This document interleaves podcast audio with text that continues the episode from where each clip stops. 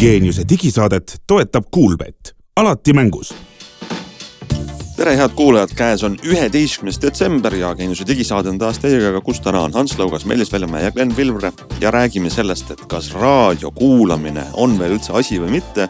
millega seostub uudis, et palju raha on läinud selleks, et teha uus raadioäpp. räägime ka teistest äppidest, räägime hinnatõusust, mis terendab siin nädalate kauguses ja kes peaks selle kinni maksma. hea teema, eks. uutest megaheadest kõrvaklappidest ja saate lõpus veel ähm, natuke riburada pidi jõululõhnalisi äh, uudiseid ka.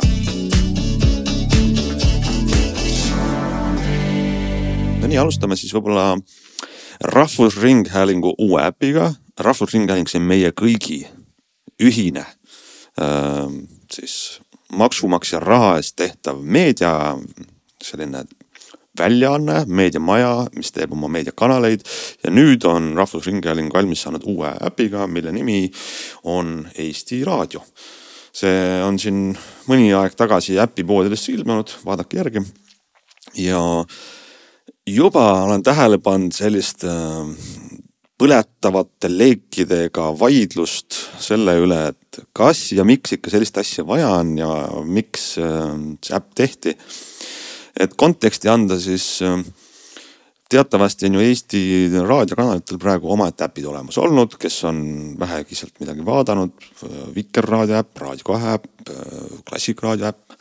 samamoodi on kõik võimalik veebist kuulata ja kõik saated on eelkõige kuulatavad siis erinevatest äh, taskuhäälingu või podcast'i äppidest, mis kellelegi meeldib. no kas teie olete nüüd vaadanud äh, seda uut Eesti Raadio äppi juba? no ma olen vaadanud ja selle jutu peale, et me ikkagi täna seda siin natukene menetleme, siis ma vaatasin ja kuidagi, kuidas ma seda nüüd lühidalt tahaksin kokku võtta, siis ma ei oskagi, et ühest küljest on see ju hea mõte, sest ma pean ikkagi, ikkagi tunnustama, et, et see äpp ei ole ju üldse halvasti teostatud, et ma vaatasin pigem sellise pilguga, et et kas ta annab mingisugust lisaväärtust kõikidele nendele asjadele, mis sa parajasti ette lugesid, sest tõepoolest see sisu on ju saadaval igalt poolt nii-öelda. aga, aga mida see äpp nagu teeb hästi, ongi see, et ta hoiab kenasti meeles näiteks minu mingit kuulamiste ajalood, ta jätab need saated nende kohtade peale pooleli. et kui ma tõesti olen selline sari ERR-i tarbija, siis võib-olla minu elu muutub lihtsamaks, kui ma tarbin neid kõiki nüüd läbi selle ühe toru nii-öelda, milleks äpp on, sest siin, siin sees on tõepoolest siis kõik asjad, mis äh, meie riikliku meedia masina alla justkui liigituvad, eks ole, et äh, alates siis äh, telesaadetest, ka raadiosaatest ja telesaated on, on kuulatavad, et mis on mõnes mõttes ju tore, et sellised jututelesaated. kas telesaated on ka seal või? Äh, ma nägin küll siin telesaateid, siin paistab mul esimene stuudio ja see on ju ometi telesaade, eks ole. ja, ja, ja sul on õigus jah. jah, kuula telesaateid, mis, mis ei ole ju iseenesest paha mõte, et sa said muidugi neid telesaateid ju ennem ka mis on meil Jupiteri äppi, kes, mis seal ERR-il veel on vaadata, eks ole, aga võib-olla tõepoolest sa lähed kusagile õue, sa ei taha vaadata, tahadki ainult kuulata. siis oli alati probleem, et paned telefoni äh, kuidagi pildiga taskusse ja siis mõnikord, kui ta kinni oli seal, siis ta ei mänginud ja mida iganes, nii et põhimõtteliselt äh, ei tahaks ju nagu halvasti öelda või vastupidi, võib-olla tahaks öelda halvasti, aga nagu ei oskagi öelda väga halvasti, sest et ta on minu arvates kenasti teostatud ja, ja miks mitte paneb need asjad kuidagi kõik ühte ritta noh, tegelikult ju jah, Glen, sul on selles mõttes täiesti õigus, et minu arust on ka enamus selliseid jutusaateid nii-öelda, ma ei tea, hommikuprogramme ja asju ongi pigem kuulatavad kui vaadatavad, sest seal ei ole nagu väga midagi vaadata, eks ole, aga kuulata võiks küll. ja, ja teine asi ongi see, et noh, sellise äpi väärtus, punkt üks ongi ilmselt see, et siis järelkuulamine, ehk siis võib-olla kui sa tõesti oled nagu Eesti, Eesti Rahvusringhäälingu asjade fänn, siis see on mugav lahendus teine küsimus on muidugi see, et, et igasuguste nii-öelda laivis eetris olevate asjade jaoks äpi tegemine, et eriti kummaline minu arust see, kui on äpp nagu iga kanali jaoks, nagu sa Ants ennem ütlesid, et oli eraldi, eks ole, Vikerraadio äpp ja, ja Raadio kahe äpp enam-vähem, et see on küll nagu jabur, et, et võiks ühe alla panna. ja samamoodi, mina kuulan raadiot suhteliselt vähe, aga ma kuulan raadiot nagu põhiliselt autos, siis ma aeg-ajalt kuulen, kuidas seal nagu erinevad kanalid reklaamivad seda, et et kuulake meie äpist, tõmmake äpp alla, ma ei tea, Sky pluss või, või Retro FM või mis iganes, eks ole. siis ma olen mõelnud ka, et noh, et, et kas see on nagu nende ainus eesmärk on tegelikult see, et seal äpis mulle reklaami müüa või saad näidata mulle reklaami ja seda sa oma partneritele maha müüa. sest et äh, TuneIn raadio eksisteerib kõigi platvormide peal, iOS-i peal, Androidi peal, ma ei tea, Google TV peal. mina, kui ma raadiot kuulan nagu üle interneti, siis ma kasutan TuneIn'i ja kõik Eesti kanalid on seal olemas, et ma ei pea nagu erinevaid äppe erinevate raadiokanalite jaoks kasutama, et selline live raadio kuulamine konkreetselt ühe jaama äpist on nagu minu arust täiesti jabur lähenemine asjale. no mis ma panin siin kohe tähele selle mm, oma kiituse ja, ja Meelise kommentaaride taustal, et, et toksisin siia sisse otsingusse Terevisioon, et näha siis, kuidas siis populaarne hommikusaade kajastub uues äpis. ma pean küll tunnistama, et siin nüüd on see pilt üsna hõre, sest et kõige uusim, uusim Terevisioon, mida ma saaks siit järgi kuulata ja on siis karikatuurid ja meemid kuuendast jaanuarist kaks tuhat kakskümmend kaks. ja siis juba on mingisugune Terevisiooni intervjuu koguni aastast kaks tuhat üheksateist ja isegi kaks tuhat kaheksateist pakutakse mulle Reimo Sildvee eestlaste rubriiki ja nii edasi, siis tagasi tegelikult, sest et eh, siin on veel umbes kakskümmend nimetust ja siis võimalik on siis mul ka kuulata kümnenda aprilli Klassikaraadio seitsmeteistkümnendat episoodi Terevisiooni nime alt. et põhimõtteliselt ma, ma nagu leian siit suhteliselt kasinalt neid televisioone. nii et siin võib-olla lihtsalt ei ole siis jõutud neid äh, digiteerida või ma ei tea, kas see plaan on et.... tegelikult tahtsin tulla tagasi sellele, mida Meelis mainis, see otsekuulamine. et ma tunnen ennast vähemusena, et äh, väga paljud inimesed ikkagi ütlevad, et äh, mul on podcast jääb olemas ja mis ma ikka sellest nüüd eraldi kuskilt eraldi mingit, ma ei tea, Rahvusringhäälingu või raadioäppi kuulan, et mina just tahan seda efekti, et tegelikult on ju enamus meediast, muusikasaated alati näpukaugusel olemas, aga mõtle, kui hea, kui keegi tasuta, keegi pakub sulle kureeritud sisu, milleks on siis muusikatoimetaja. olgu siis äh, erinevates muusikajaamades või. et see on selle otsekuulamise võlu ja minu arust on see hea, kui on ERR-i äpis ühes kohas koos.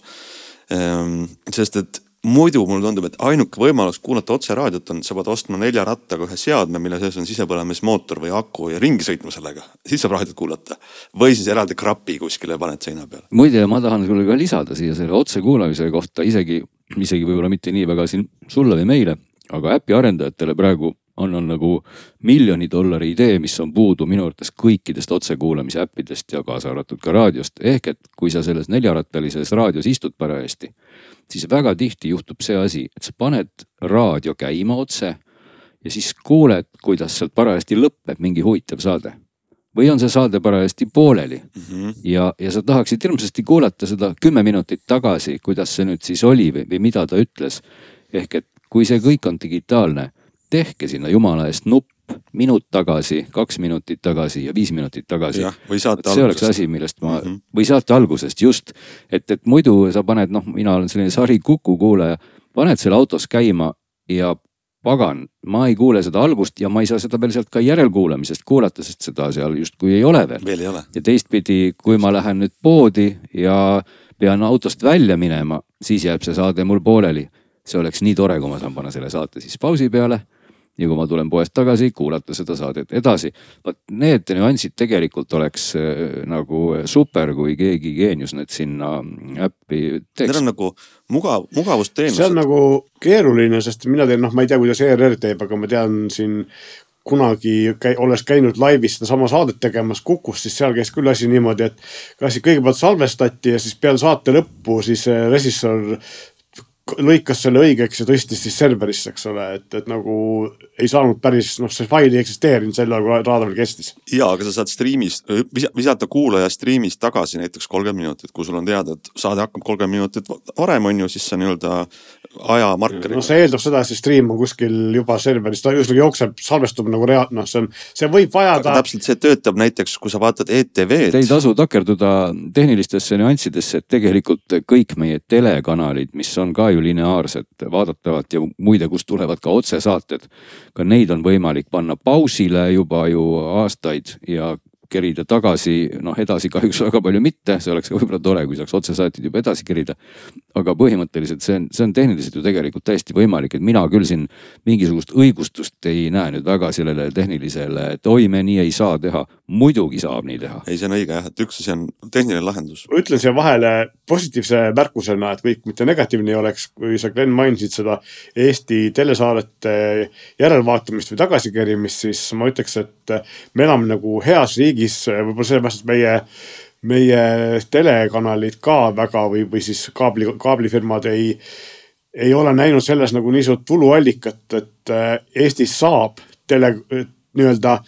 telekanaleid hiljem vaadata, järgi vaadata, sealjuures reklaame edasi kerida et meie vaatame kodus siin päris tihti näiteks inglise kanaleid ja seal saab ka asju järgi vaadata, aga reklaame sa edasi kerida ei saa, et kui reklaamipaus on, siis reklaamipaus, ootad ära ja siis kärid oma saadet edasi. nii et, et selles mõttes me oleme nagu, meil on hästi. no see jah, ja ennekõike veel üks argument ikkagi kogu selle ERR-i sisu äh, kuulamiseks, mis on ju reklaamivaba. aga ma tahan lõpetada selle ERR-i äpi jutu sellega, et mul on ka veel üks mugavussoov, mida Glen mainis, need on väga lahedad äh, nagu mm, lisavõimalused oleksid aga mina pakun midagi palju vähem originaalsemat, aga väga-väga vajalikku. iga äpp, mis mängib mingit heli, selle juures peaks olema variandid, kas cast ehk siis saadad sinna äh, mingisse Google'i meediamängijasse üle Google Cast'i, olgu siis kõlar või telekas või midagi muud. või siis ka, miks mitte kohe AirPlay nupp. ja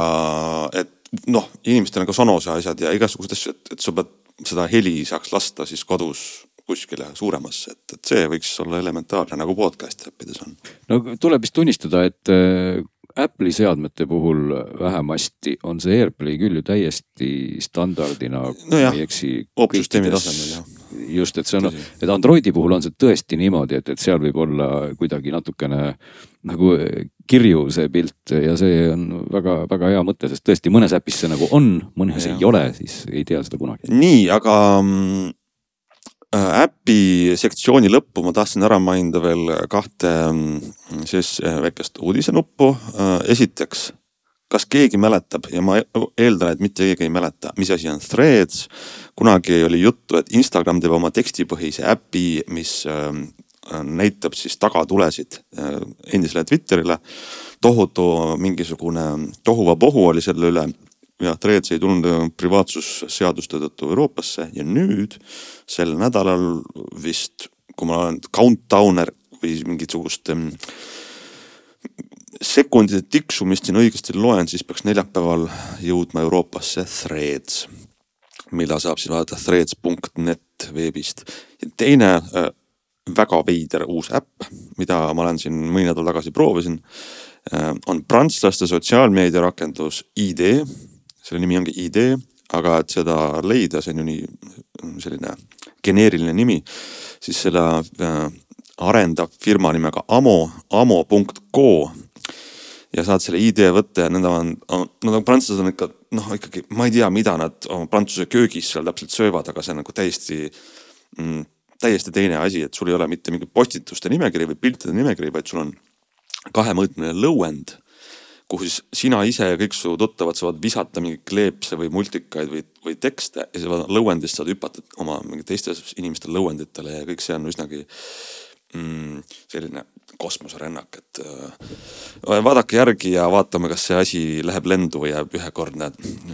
piiksatus Prantsusmaalt. no kui sa mainisid kosmoserännakut, siis kindlasti tuleks ikkagi Treetsi huvilistel ka teha see lehekülg treets.net juba lahti. sest et seal, seal keerleb seal selline, siis te näete, siis te näete, mis Tõsi. seal keerleb, te võite seda vaadata siis Just. need päevad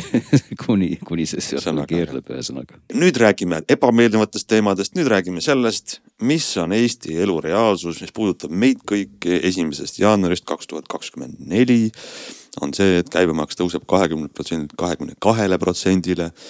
ja muidugi peegeldub see ka otseselt ka nendes hindades, mida me maksame iga kuu näiteks oma teenuste eest. üleüldse kõigis hindades, mida tarbijad on ju maksavad, aga, aga sellised kuutasuga teenused on ju näiteks interneti ja, ja telefoniteenus. see on igakuine kus on kõige kiiremini tunda seda ja ennekõike on seda tunda sellepärast, et juba on operaatorid saatnud meile postkastidesse igasuguseid meeldivaid meeldetuletusi, et hea klient, oleme sunnitud sul hinda tõstma, me üldse ei tahaks. pisarad on nagu märjaks teinud selle emaili minu arvutis, ma näen, aga ikkagi eh, väga koomiliselt on siin näiteks kolmekümne viie eurone Telia piiramatu nutipakett hakkab maksma kolmkümmend viis eurot ja viiskümmend kaheksa senti.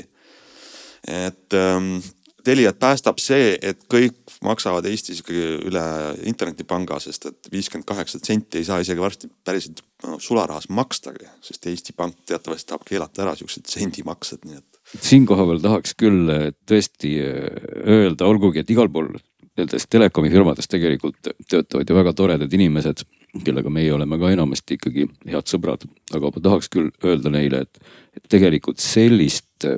PR-indust või kuidas ma ütlen, ma ei, tea, mis see sõna oleks selle kohta, et see on ikkagi nagu natukene ämber. et kui ma vaatan neid hindasid, siis tõesti täna, nagu sa ütlesid, Elisa piiramatu nutipaketi neljakümne koma üheksakümne üheksa eurone hind asendub siis uuest aastast neljakümne ühe koma kuuekümne kaheksa eurose kuutasuga. ja kusjuures pange tähele, see on ka ümardatud ikkagi ülespoole, sest et tegelikult, kui me korrutame selle nüüd selle uue käibemaksu tõusuga läbi, milleks on siis kaks protsenti, siis me saame selleks hinnaks nelikümmend üks koma kuus seitse kolm senti. sendi, sendi osa on raske maksta. seda on raske maksta, aga isegi selle oleks võinud ju ümardada allapoole oleks olnud soliidsem, sest et eh, noh, kui see, kui see, kui see lõpuks keegi võib-olla on veel selline sendisaagija, nagu mina praegu siin olen ja teeb selle tehte läbi, siis ka seal on näha, et ikkagi on võimalik, me paneme selle null koma null kolm või seitse senti ka ikkagi juurde. ja olgem ausad, möödub kuu, võib-olla nädal ja võib-olla natuke rohkem aega ja ma söön ära kõik oma mütsid, kui see hind ei ole muutunud neljakümne üheks koma üheksakümne üheksaks või mingiks muuks koma üheksakümne üheksaks, sest see juhtub igal juhul. ehk et see minu pikk ala tähendab siin muidu ja see, see jutt siis nüüd, et ei tee, ei teeks nüüd liiga ainult siis ainuisikuliselt Elisale, siis samamoodi ka Telia tegelikult, eh, nagu sa mainisid ka oma piiramatut eh, netti, eks ole, tõstab ja, ja küll kolmas firma, kes nüüd seda vist ei teinud, oli siis. mis Tele2 teeb? Tele2, et mul tõsi küll ei olegi siin ees neid numbreid, mida Tele2 parajasti tegi, aga ma sain aru, et, et ta vist niimoodi ei teinud. on see, on see nii? ja no Tele2 äh, ütles, et nemad siis vähemalt esialgu ei tõsta kodutarbijale hindu vaid jätavad need samaks, küll tõusevad siis ärikliendi paketid ja mõningate lisateenuste hinnad, mida nagu harvemini kasutatakse, aga sellist mobiilside ja, ja ka siis tavalise kaabelinterneti või, optilise interneti hindu nad praegu vähemalt ei tõsta, võib-olla tõstavad siis hiljem rohkem või kes seda teab, aga aga noh, kui sa just rääkisid sellest neljakümne eurosest Elisa piiramatust mobiilipaketist, siis noh, seal on ikkagi tegelikult, olgem ausad, vaadates, mis hindu leti alt pakutakse, nii palju õhku sees operaatoril, et äh, üsna ma ütleks, et ebaeetiline on nagu seda kahte protsenti tõsta praegu. ja siin eh, tahaks nüüd võib-olla ka öelda, et eh, tegin ka selle sendi arvutuse siis, kui juba tegin ka selle Telia, Telia ühe paketi kohta siis läbi, milleks siis täna tõesti on väga ümmargune number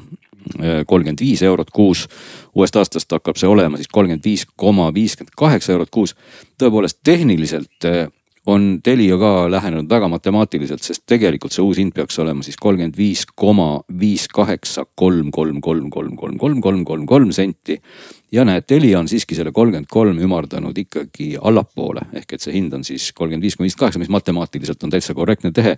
nii et ei saa nüüd öelda võib-olla. kergitame kübaraid Telia ees. kergitame kübaraid jah, et kliendile meeldib alati, kui läheb hind allapoole, isegi kui see läheb null koma null null null kolm senti allapoole on see ikkagi tore. et teistpidi, mida ma siis tahaks ikkagi oma pika halaga veel kord öelda, et kui see käibemaks tõuseb, muidugi me kõik peame ju selle kinni maksma. Aga seda saaks lihtsalt kommunikeerida teisiti, seda ei pea kommunikeerima niimoodi, et palun väga, paha riik tõstab maksu ja me paneme selle prõmdi siia juurde kommunikeerige seda ükskõik mismoodi, ütelge, et näed, me anname ainsa operaatorina teile praegu pool aastat aega, neelame selle hinna alla ja siis vaatame, võib-olla läheb elu meil veel ilusamaks või halvemaks ja me teeme selle hinnaga midagi. ehk et see oli praegu see võimalus, kus operaatorid saavad eristuda ja Tele2 ka seda mõnes mõttes tegi. ja, ja muidu jääb täpselt selline nagu kartelli mulje, noh nii nagu me vaatame bensiini hindasid postide peal, et, et jookse, kus poole sa tahad, sa saad igal juhul sellesama malakaga vastu pead. sul Glen, sul on kõik õigus, aga ma, ma võib-olla, minu mõte liigub teisele nurgale, see on nagu oluline teema tegelikult, see on hästi igav mingi raamatupidamise teema, aga hästi oluline, sest see mõjutab meie kõigi inimeste tarbimist siin, kes me üritame sellest tehnoloogiast midagi midagi teha, mis meil on. ja et internetiühendus on nagu natuke noh, nagu õhk on ju, et kaks protsenti ma vaatasin numbrid järgi, meie operaatorid teenivad aastas umbes siin, Telia on siis kõige suurema turuosakaalu, mingisugune kolmsada viiskümmend miljonit on käive kaks protsenti sellest on siis kolm koma viis miljonit, seitse miljonit eurot. et ma saan aru, miks nad ei taha seda seitset miljonit eurot panna sinna turunduseelarvesse, et okei okay,, võtame selle enda kanda. Et noh, see nagu mõnes mõttes arusaadav, et lihtsalt äh, pulli pärast, et eristuda, et turunduseelarve kasvab seitse miljonit eurot. aga ma, ma, arvan, et sa tegelikult mainisid nagu ära selle, mis päris mure on inimestel, et kuulge, see, see on põhjendamatu, miks need hinnad on, hinnad on nii kõrged et telekomi teenuste hinnad on nagu õhku täis ja see on, konkurents ei toimi nagu hästi. sest et äh, Teli, näiteks Telial oli sellel aastal äh, üheksa kuud, see on siis mitte terve aasta, aga, aga mm, Äh, kolm neljandikku aastast oli kakssada kuuskümmend kuus miljonit oli, oli müügitulu ja sellest juba teeniti sada miljonit eurot kasumit. me nagu kõik saame aru, keegi siin, keegi siin Eestis ei, ei mängi, et teil läheb raske, et te peate selle viiskümmend kaheksa senti nüüd võtma, et muidu on nagu satub ettevõte raskustesse on ju. et nendes hindades on nagu õhku sees ja võib-olla kui isegi mobiilipakettides käib kõva selline konkurents, et kes annab leti alt parema paketi, siis koduinternet on ka Eestis, no ma ei tea noh ikka jõulumeeleolu üldse ei ole, ikka masendav. iga kord, kui ma vaatan oma Telia arvet, sest et äh, ma ei saa paketti vahetada, sest et ükski teine eh, koduoperaator ei paku mulle, Telia on monopoolses seisus, siis. Äh, see tähendab seda, esiteks see näitab ka seda, et sideamet või mis iganes tarbijakaitse teenuse on oma tööd, ei, ei tee oma tööd, eks ole. ja teine asi on, on see, et tõepoolest, kui ma seda arvet vaatan, siis mõtlen, mille eest ma nii palju maksan, et see on nagu noh, seda teenust ei ole selle raha eest lihtsalt. seda, sellena me ei ole rahul tarbijatena, et okei okay,, noh, et kuidas te kuulutate asju ja, ja see on kõik õige, aga lõpuks see ei ole õigustatud, see konkurents ei toimi ja ütleme selle arvutuse koha peal ka tõepoolest äh, see noh, need suured numbrid, mis sa parajasti ette lugesid, need sajad miljonid, eks ole, et loomulikult sajast miljonist ka üks protsent on väga suur number, eks ole nii-öelda kokkuvõtvalt, aga, aga me jõuamegi sinnani, et, et sellise suure, suure noh, kas siis ütleme ettevõtte või, või isegi veel mingi suurema sõna selle kohta. Need, need suured rahad tegelikult killustuvad ära väga väikeste asjade peale, täpselt samamoodi nagu nad kokku kuhjuvad, et see minu keeruline mõttekäik oli see, et. et see ei ole nüüd see, et keegi ainuisikuliselt jääb siis miljoni euro võrra vaesemaks kohe tegelikult eh, see suur ettevõte koosnebki väga paljudest kohustustest, omanikest, rahadest, palkadest, see on metsik virvarr. nii et tegelikult on ka see arvutus nagu mõnes mõttes selline noh, ta nagu võimendab natuke hoopis niisugust nagu valet aspekti sellest, et, et noh, et nagu te ütlesite ka, et hindades on palju õhku sees, loomulikult ega meie ei ole need, kes saavad nüüd arvestada, kui kasumlikult peaks mõni telekom siin töötama. ja mis asi on seal õhk ja, ja mis on siis omanike kasumioootused. aga tõepoolest, see on väga õige väide, et, et ütleme, et kui Elisa või, või kes tahes teine suur äh, selline üksus kahe protsendi võrra täna hinda langetaks, nad ei lähe pankrotti, see on täiesti kindel et, et nad saaks selle vabalt alla neelata ja võib-olla õige aeg oleks kerge libestiga seda ka teha tegelikult, sest et inimesed muutuks ainult rõõmsamaks. vot, aga internetist loobuda me ei saa, seda on meil siiski vaja. Äh, nii et äh, leiame viisi, kuidas, äh, kuidas oma, oma meelsust igatahes väljendada. räägime nüüd järgmiseks siis äh, sellest, et Glen, sa, sinu ütleme selline Äh,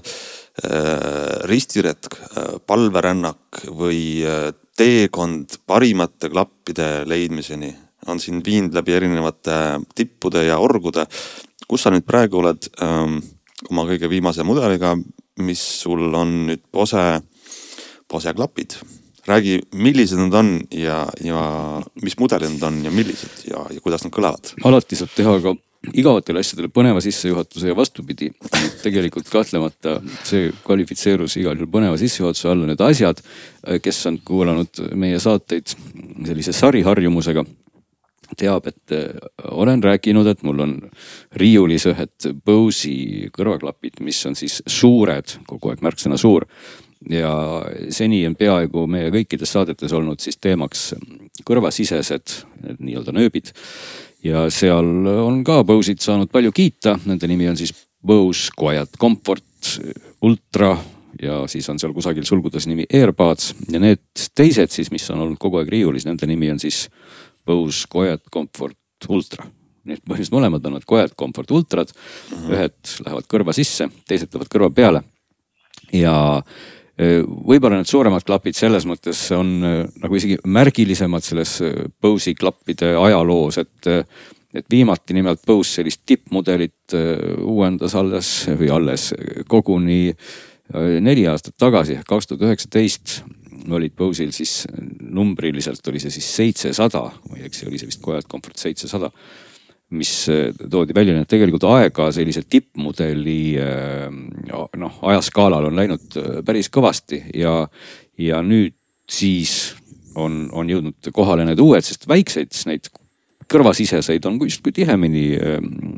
noh, vähemalt ette sattunud uuendusi vaat sellised äh, klapid, aga Bose on ju olnud teadupärast mm -hmm. kogu aeg väga seal esireas just selle mürasummutuse koha pealt, et põhimõtteliselt ongi olnud seal Sony kellega on üritatud seda esikoha pärast materdada ja noh, loomulikult ka Apple oma suurte, suurte AirPods idega on, on ka selle mürasummutuse koha pealt, eks ole. nagu jookseb siis kiiremat ringi kogu aeg ja nüüd kuidas ma siis ütlen, need Bose'i klapid summutavad müra loomulikult väga hästi. et selles mõttes ongi väga igav, et, et kui sa nüüd, kui sa need ikka pähe paned, siis maailm läheb vaikseks, et jällegi on see koht, kus nüüd ilmselt mõistlik oleks võrrelda võrreldavaid asju, et tegelikult kohe tekkis mul huvi loomulikult võttagi need Sony kõige uuemad klapid ja, ja siis võtta võib-olla mõned veel kõrvapealsed klapid, et siis nüüd aru saada, kui hea siis parajasti see Bose'i Quiet Comforti mürasummutus on, et on see siis nüüd nii väga ultra või ei ole. no ta on erakordselt hea, et kui ma võrdlen seda mürasummutust ähm, nende samade Bose'i kõrvasiseste äh, nööpidega, mis mul ka veel juhtumisi on siin lauaservalt võtta, siis ma pean küll ka tunnistama, et need kõrvasisesed nööbid ikkagi on võib-olla omas võtmes nagu veel maagilisemad, sest nad on peaaegu sama head kui need suured. et noh, vanasti oli pigem niipidi, et, et suured kõrvapealsed klapid alati kippusid olema ikkagi tuntavalt paremad kui need kõrvasisesed mürasummutajad aktiivselt. Aga tõepoolest need Bose'i väikesed kõrvasisesed nööbid summutavad ka müra peaaegu sama hästi kui need suured, nii et see näitab pigem, et need väikesed on ülihead ja suured on lihtsalt head. aga mis, mis noh, kui sellest mürasummutusest nagu veel edasi vaadata ega muidu on nad täitsa sellised suhteliselt kompaktsed, kena ehituskvaliteediga. vanasti siin peal Bose'il oli selline, selline imelik nagu kinnitusmetallriba, kui ma nüüd õigesti praegu mäletan, et aeg läheb nii ruttu äkki, ma enam ei mäleta õigesti, nüüd on see taga küll justkui sile. on läinud ka metalliks, metallist vähemalt tunduvad olevat kõik need kriitilise tähtsusega kohad, kus siis saab painutada või murda midagi, et, et ei ole need plastist ja need äh, klapid saab siis kokku voltida endiselt niimoodi tasapinnaliseks ja siis veel lisaks tasapinnalisusele ka siia sisse kokku, nii et nad moonduvad selliselt täitsa muhedalt väikseks ja peas tunduvad ka igati mugavad ja mis muidugi äh, väärib kindlasti Bose'i kontekstis eraldi ka äh, märkimist, on ikkagi helikvaliteet, et mäletan taaskord, et vanematel Bose'idel kõrvapealsetel oli kuidagi heliga sellised kummalised lood, et, et, et Bose kippus seda heli nagu ähm,, vot mul on raske leida sõnu, ta kippus seda heli tegema kuidagi selliseks söödavamaks võib-olla siis kõigile, ehk siis oli seal kõrgete sageduste osas mingisugused kummalised keemilised sirinad ja moonutused. pigem oli see keskriba sihuke mahe kuidagi, ühesõnaga, et see Bose'i heli ei olnud nagu see kõige kõigem, et, et Sony oli, oli just see klapifirma, kes oma suurte kõrvapealsete klappidega alati skooris neid heli esikohti sellise hästi sooja ja, ja töötlemata heliga. ja, ja Bose nagu kindlasti sinna nagu vähemalt minu hinnangul ei jõudnud. Tuleb öelda, et need klapid nüüd küll on ka heli mõttes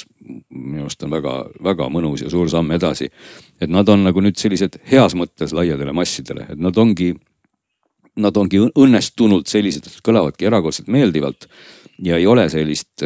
sellist nagu, sellist vägistatud equalizer'i profiili tunnet või et ma ei oska siin sõnu leida, et, et ta, ta ei kõla niimoodi, et keegi oleks kõrgeid sagedusi kuskile spagetti kokku pressinud ja siis neid tõstnud või langetanud. ta tundub kuidagi lahtine, avar, aga keskriba on siin natukene vaiksem, ta ei ole selline stuudiomonitor, kõrvaklapp Äh, mis siis keskriba väga-väga võimendavad ja väga esile toob. ta on mõnes mõttes selline mahe, samas on ta särav, detailne. ta ei võimenda ka neid äh, kõrgemaid basse või ütleme siis noh, nagu on Sony klappides just alati, et noh, et äh, mulle on ainult see alati läbi aegade ette, et Sony kõlab võib-olla natuke liiga soojalt või pigem niimoodi mudaselt, et kipub seal kahesaja hertsi regiooni tõstma. siis Bose seda kindlasti ei tee. Bose vastupidi Äh, toob esile need kõige-kõige madalamad bassid, mis iseenesest on minu arvates hästi toredad, et kui sa oled filmivaataja ja ja tahad sellist korralikku kõmakat kuulda, mis enamasti siis äh, eraldub seal kolme-neljakümne hertsi juures lausa, eks ole. Et selline nii-öelda suupbass, siis äh, väga hästi nad esitavad neid ülimadalaid sagedusi, sealjuures mitte kõlama, noh, mitte siis kõlades äh, mudaselt. nii et ka heli kvaliteedi eest ma annan suure plussi ja muide, kummaline on ka see, heas mõttes kummaline et nende väikeste põuside, kõrvasiseste ja nende suurte heli kvaliteet on ka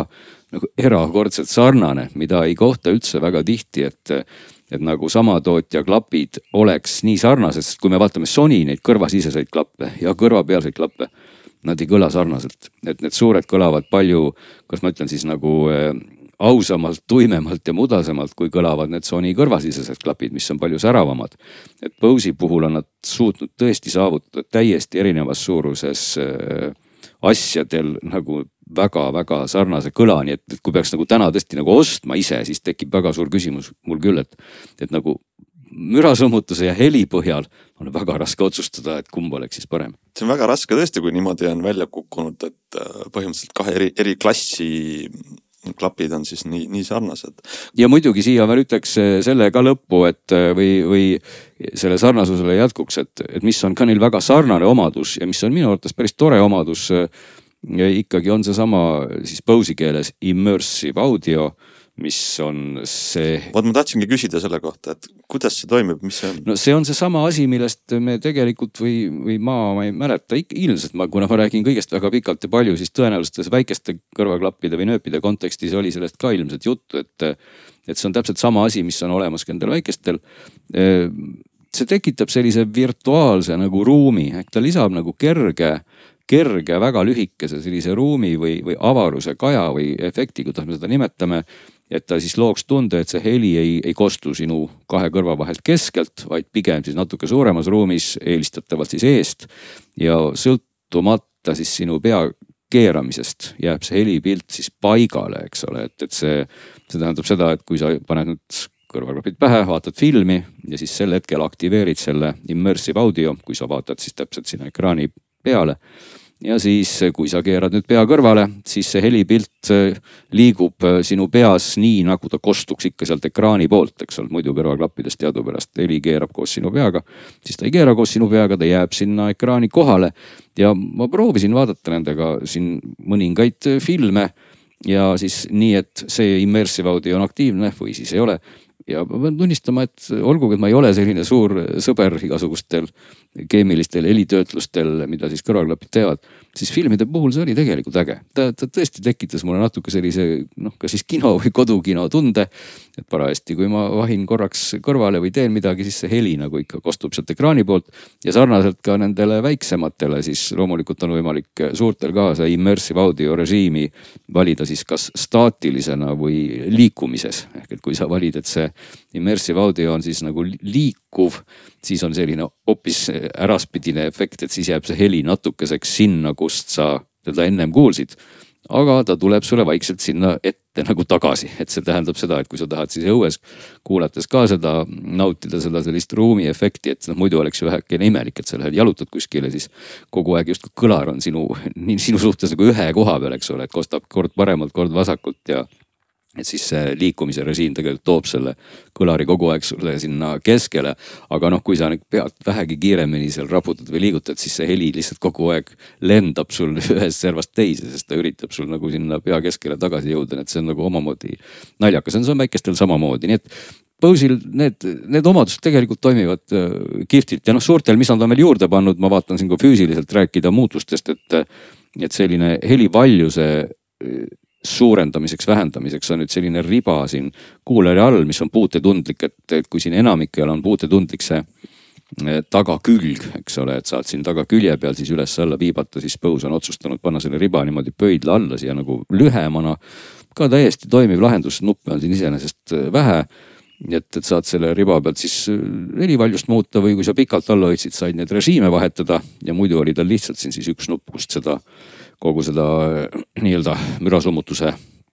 poolt või siis ka ise seadistada, saad sisse-välja lülitada, nii et tegelikult äh, nuppe on suhteliselt vähe, aga, aga saad kõiki põhiasju teha. nii et äh, soliidsed ja väga head kõrvaklapid, aga kahjuks muidugi maksavad ikkagi erakordselt palju, et kindlasti on hinnatõus olnud rohkem kui kaks protsenti selle ajaga, et see teeb ikkagi. noh, see teeb ikkagi kurvaks, et kui, kui sa vaatad, kui palju on ikkagi need tehnika hinnad. kas nad on ikka kuskil seal neljasaja kandis või?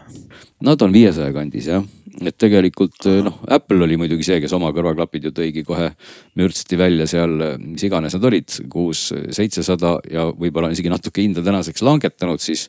kõik teised tootjad tunduvad küll olevat sellel kursil, et, et noh, hinnale pannakse ikkagi nii, keeratakse ikka vinti nii kõvasti juurde, et, et ma küll tahaks öelda, et ma ei mäleta, et nad vanasti olid nii kallid, aga noh, ajad ongi teised, nii et täna maksavad nad viissada eurot, sest et mida, mida on ikkagi rohkem kui, kui sellised konkurendid samas võtmes, noh, Sony kindlasti ei ole viissada eurot täna, nii et siin on nüüd raske praegu hakata andma mingeid soovitusi, et kas see see viissada eurot oleks nüüd õige raha nende eest maksta, et kui, kui ma mõtlen nagu niipidi, et nad kõlavad sama hästi ja summutavad müra, noh, võib-olla grammikese tõesti paremini kui need väikesed AirPodsid. aga neid ikkagi sa saad täna osta kolmesaja euroga peaaegu, noh, kolmsada viiskümmend on letihind. et see hinnavahe on, on ligi kakssada eurot ja kuna sa saad peaaegu sama helikvaliteedi, siis ma küll ei näe väga põhjust, miks sa peaks neid suuri nüüd ostma, aga, aga see ei tee neid kuidagi halvemaks. see on muidugi selline üllatav järeldus tõepoolest, selle tõepoolest, et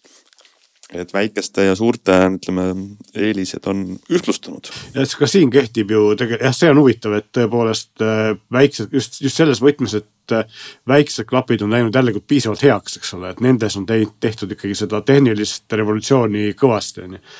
aga jah, teine asi on see, et võib-olla kehtib ka siin sama loogika, et äh, tasub osta võib-olla siis ma ei tea, eelmise põlvkonna mudel, mida müüakse praegu A Le Cour uus on väljas, eks ole, et võib-olla ei ole päris nii hea, aga siiski piisavalt hea, et kui selle saad poole odavamalt, siis äh, Sonyde kohta kehtib see kohe kindlasti, et minule näiteks meeldivad äh, eelmise generatsiooni XM4-d või XM3-d rohkem kui uued XM5-d Sonyd, sest et äh, üks põhjus neist saab palju paremini kokku voltida kotti või taskusse panna kui, kui uusi, et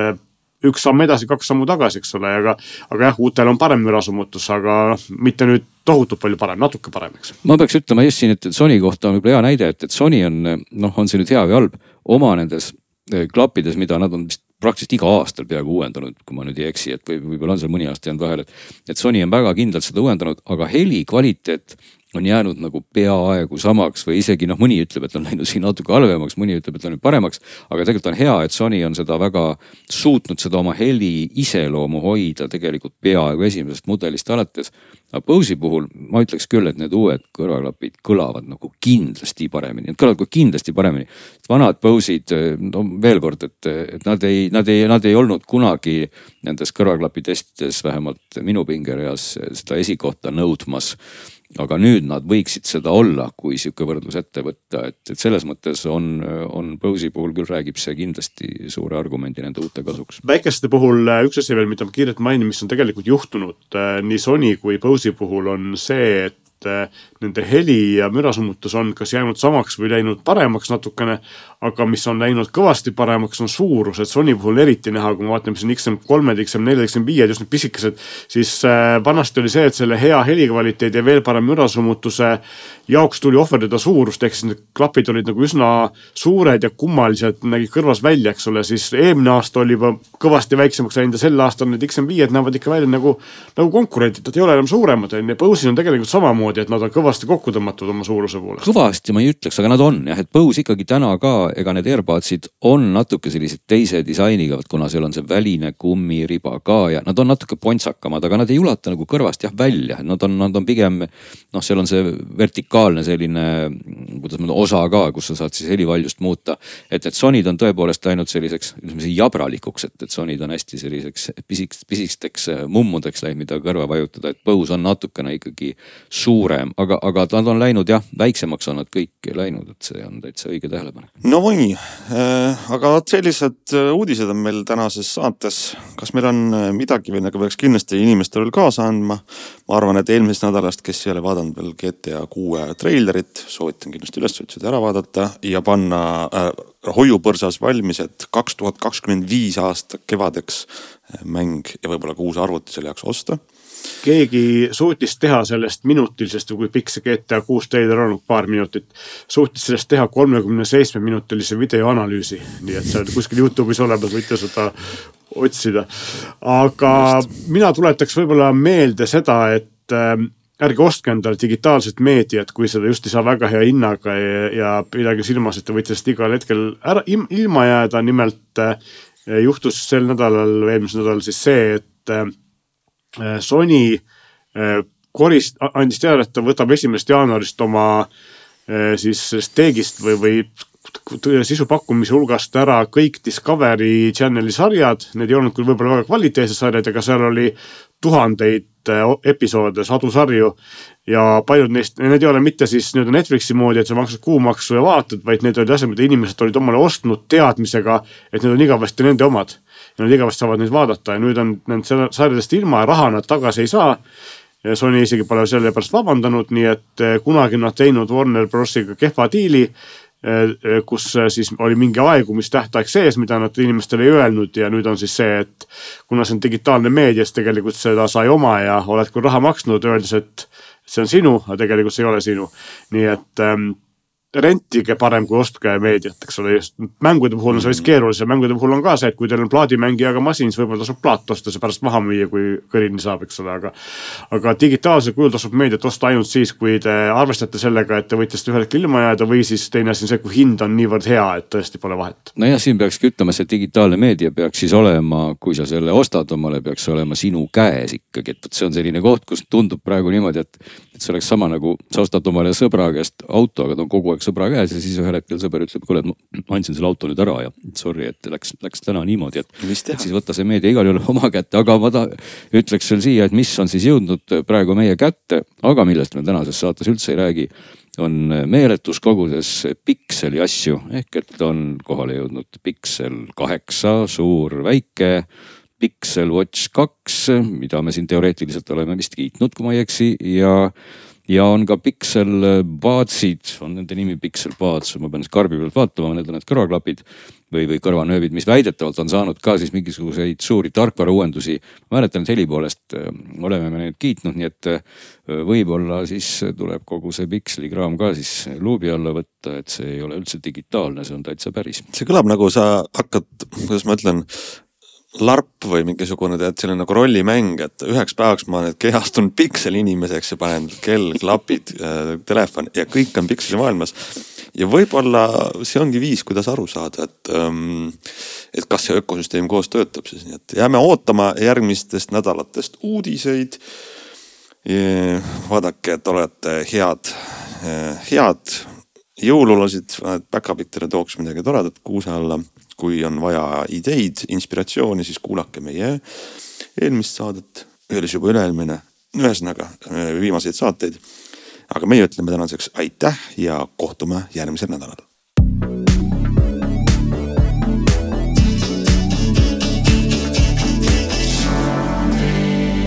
Kuulmet, alati mängus